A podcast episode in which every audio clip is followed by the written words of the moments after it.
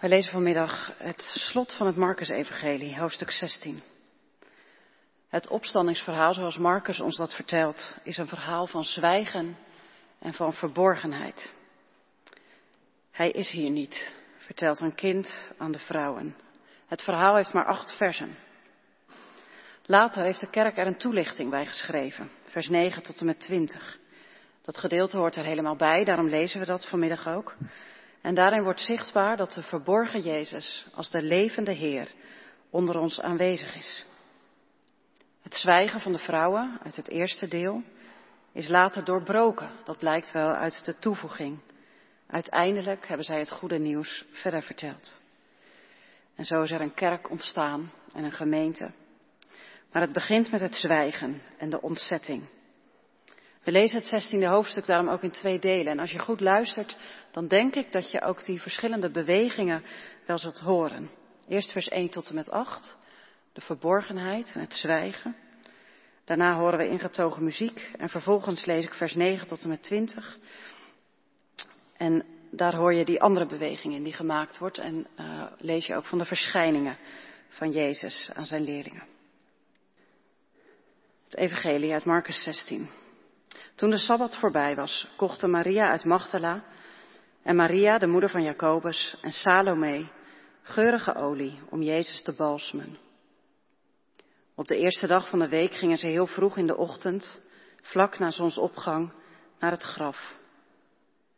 Ze zeiden tegen elkaar, wie zal voor ons de steen voor de ingang van het graf wegrollen? Maar toen ze opkeken, zagen ze dat de steen al was weggerold. Het was een heel grote steen. Toen ze het graf binnengingen, zagen ze rechts een in het wit geklede jongen zitten. Ze schrokken vreselijk, maar hij zei tegen hen, wees niet bang. U zoekt Jezus, de man uit Nazareth die gekruisigd is. Hij is opgewekt uit de dood. Hij is niet hier.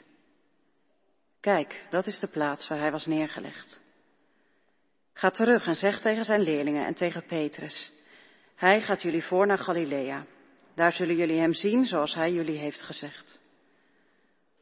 Ze gingen naar buiten en vluchtten bij het graf vandaan, want ze waren bevangen door angst en schrik. Ze waren zo erg geschrokken dat ze tegen niemand iets zeiden. Toen Jezus vroeg op de eerste dag van de week uit de dood was opgestaan, verscheen hij eerst aan Maria uit Magdala, bij wie hij zeven demonen had uitgedreven. Ze ging het nieuws vertellen aan de mensen die hem hadden vergezeld en die nu om hem treurden en rouwden.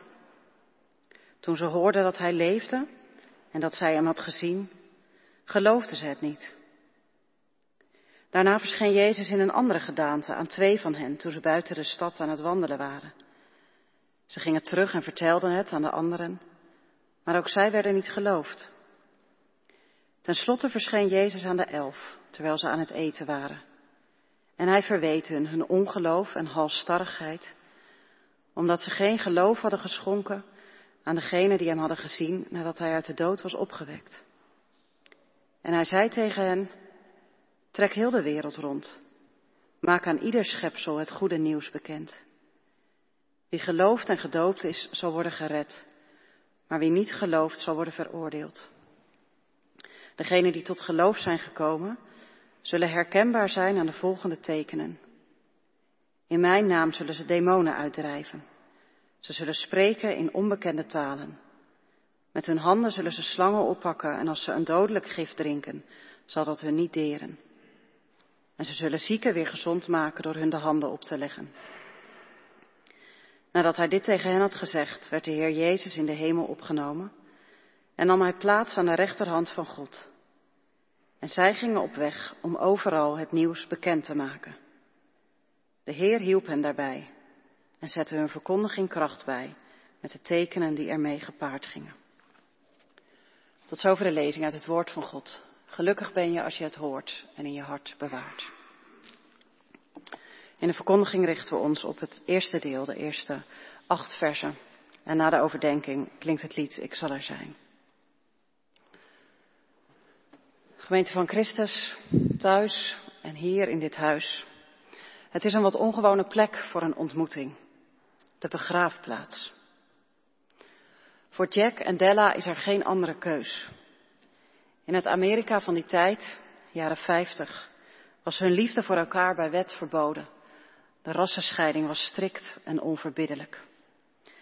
Marilyn Robinson schrijft erover in haar nieuwste boek, Jack. Jack is een klaploper, verloren in het leven, niet thuis in de tijd. Groot geworden met de gedachte dat hij gedoemd is en alles in zijn leven loopt ook stuk. De liefde, het leven, familie, werk. Prins der duisternis noemt hij zichzelf. Maar dan komt Della in zijn leven. Een zwarte jonge vrouw, vroom, lerares Engels op een zwarte middelbare school. Oneindig lief en trouw. En zij raakt de hoop aan in Jack dat er dingen anders kunnen worden. Maar hun liefde is verboden en zo komt het dat ze elkaar treffen in het donker op de begraafplaats Belle Fontaine. Een paradijselijk mooie tuin, maar vol met graven. Jack komt er vaak, alsof de duisternis vertrouwd voor hem is. Op allerlei grafstenen liggen zwervers te slapen. De nachtwaker sluit het hek en even is er rust. Geen geldzorgen, geen politie die hen opjaagt. Rust bij de doden. En Jack kent ondertussen elke steen, elk beeld, vele namen. Hij weet precies waar je even zitten kunt, welke route je kunt bewandelen. En zo lopen Jack en Della fluisterend en voorzichtig door het natte gras. Op hun hoede voor de nachtwaker en hun schoenen in de hand om ze te sparen voor de vochtige dauw. Della weet dat Jack hier vaker komt. Ze hebben elkaar lange tijd niet gezien. Na een pijnlijk voorval waar Jack zich zo vreselijk voor schaamt en waar Della zich zo door vernederd voelt. En nu, maanden later, heeft Della moed gevat en zoekt ze Jack op. Hier bij de graven. In zekere zin is het een verborgen werkelijkheid, de begraafplaats. Misschien kom je er nooit, fiets je er wel eens langs, maar meer ook niet. Soms echter is het een vertrouwde plek geworden. Hier in de stad of op een andere plek. Misschien kom je er eens in het jaar om het graf van je moeder te verzorgen. Of kom je maandelijks bij het graf van je vriendin. Of wekelijks, dagelijks misschien, bij het graf van je kind. Of je man, van je liefste. En steeds meer leer je dan de plekken kennen. Je leest de namen op de stenen. Je ziet welke planten er bloeien. En hoort het ruisen van die ene boom. De broeders en zusters uit deze gemeenschap liggen er begraven. Of hebben er een gedenkplek met hun urn. Soms heb je gekozen voor een andere plek. Of voor een hele andere vorm, omdat je geliefde dat wilde. Of omdat je er niet graag komt op een kerkhof. En ik stel me zo voor dat je misschien wel eens met je moeder meegaat naar het graf van je vader. Of met je zoon naar het graf van je opa. Soms vermijd je het liever. Ik zou eigenlijk weer eens willen gaan, maar ik kom er niet toe. Ik wil daar niet zijn. Of je durft niet alleen te gaan. Vandaag voegen we ons bij drie vrouwen, een jonge meid en twee oudere vrouwen, die gehaast balsem gekocht hebben. Het is nog vroeg op de dag, de nacht is nog niet geweken en hun gedachten zijn bezet door het graf, bezet door de dood. Je leest dat ook in die eerste acht versen. Ze zijn erdoor bezet alsof ze nergens anders meer aan kunnen denken. Zoals je, zoals je met je blik vertroebeld door de stad kunt fietsen en dat je later denkt, ik weet niet eens waar ik gefietst heb. Dat je gehaast onderweg bent en je gedachten gevuld zijn met die ene, met die liefste, met de dood die al je hoop verpletterd heeft. En met hun blik naar beneden, zo stel ik mij dat voor, toppen die drie vriendinnen, Maria, Maria en Salome. Hoe moet dat met die steen zo loodzwaar Hoe komen we het graf binnen? En het lukt ze niet meer om goed na te denken. Een dode balsem je voor de begrafenis, niet als het lichaam al begraven is. Ik denk even aan die vrouw die nog maar kort geleden Jezus hoofd met kostbare olie had overgoten. En heel de stad sprak er schande van. Dure olie in één keer verspild. Maar Jezus zei, zij heeft mij gebalsemd met het oog op mijn begrafenis. Maar deze drie, ze zijn het vergeten, ze weten het niet, het komt niet meer in ze op. Ze kunnen niet meer helder denken. Je leeft alsof je al gestorven bent, zegt Della tegen Jack. Af en toe vlamt er nog wat hoop in hem op, maar steeds weer wordt dat gedoofd. De dagen door zien te komen, zoveel mogelijk nuchter blijven, zorgen voor wat te eten en een bed om te slapen. Meer is het niet.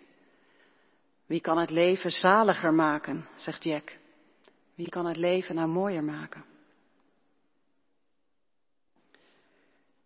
Er is altijd nog Jezus, zegt Della dan.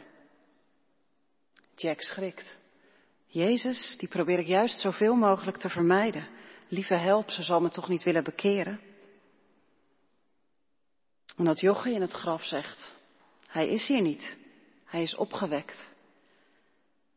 Een siddering en ontzetting bevangt de drie vriendinnen, de Maria's en Salomo, Salome.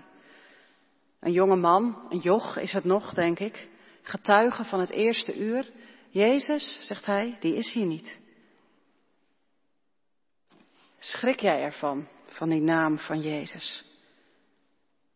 Schrik je daar nog van? Wat raakt dat aan in jou? De schrik van Jack misschien? Oh help, ze zal me toch niet willen bekeren? En diezelfde Jack roept ondertussen voortdurend de naam van Jezus aan, bij al zijn doen en laten. Wat in jezelf aan het gisten is en hoeveel geloof er soms rijpt, dat wil nog niet zeggen dat een ander daar zomaar bij kan komen. Als Della over Jezus begint, schrikt hij zich een ongeluk.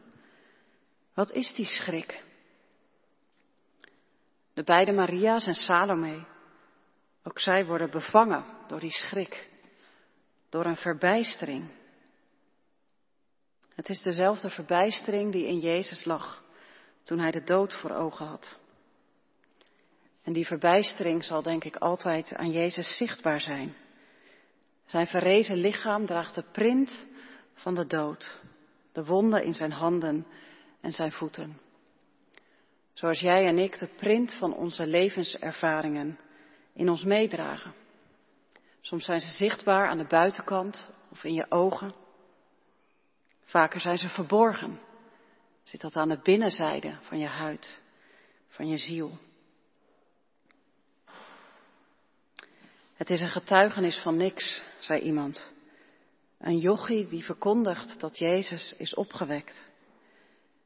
En drie bange, bevende vrouwen die wegvluchten. En de stilte die valt. Een getuigenis van niks. De kerk heeft daar een toelichting bij geschreven. Het slot van Marcus 16. De stilte is doorbroken.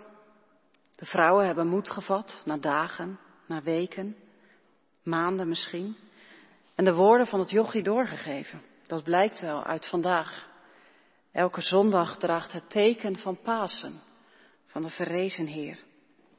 Wij leven met Pasen in de rug en met ons heel de kerk wereldwijd.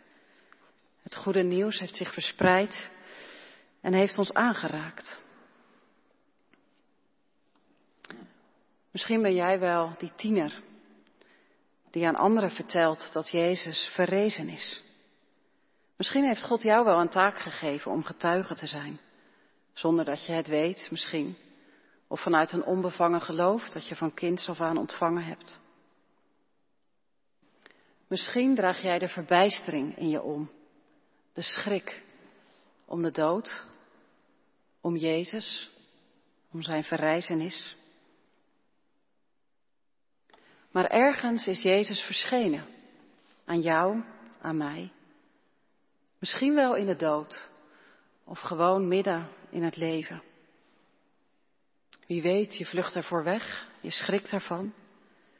Of je wacht af, je hebt tijd nodig.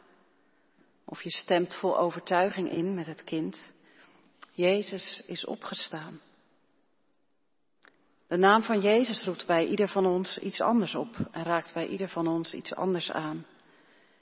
En meer dan de andere evangelisten laat Marcus zien hoe verborgen Jezus onder ons aanwezig is. En hoe ieder van ons daar met zijn eigen stem en met haar eigen leven op antwoordt. De verborgen Christus is de levende Heer. Het graf is leeg, wij zien Jezus niet. Het enige dat we zien is een leeg graf. Nog geen verschijning, nog geen ontmoeting. Alleen maar bange, zwijgende vrouwen. En ik stel me voor dat wij ertussen lopen, jij en ik. Langs de graven, de namen lezend die op de stenen geschreven staan. De namen van je liefste erop. En daartussen dat ene graf van Jezus. In de dood heeft Jezus zich gevoegd bij onze doden. En als wij straks zullen sterven, dan zal Jezus daar zijn. Want je kleine menselijke leven is ontheven aan de dood. Jezus heeft het meegenomen uit het graf, uit de sterke macht van de, dood, van de dood, aan wie wij ons niet ontrukken kunnen, maar Jezus wel. Daarom worden wij tenslotte ook gedoopt. Of wij nu leven of sterven, wij zijn met Christus begraven in zijn dood en met hem mee opgewekt tot een nieuw leven. Amen.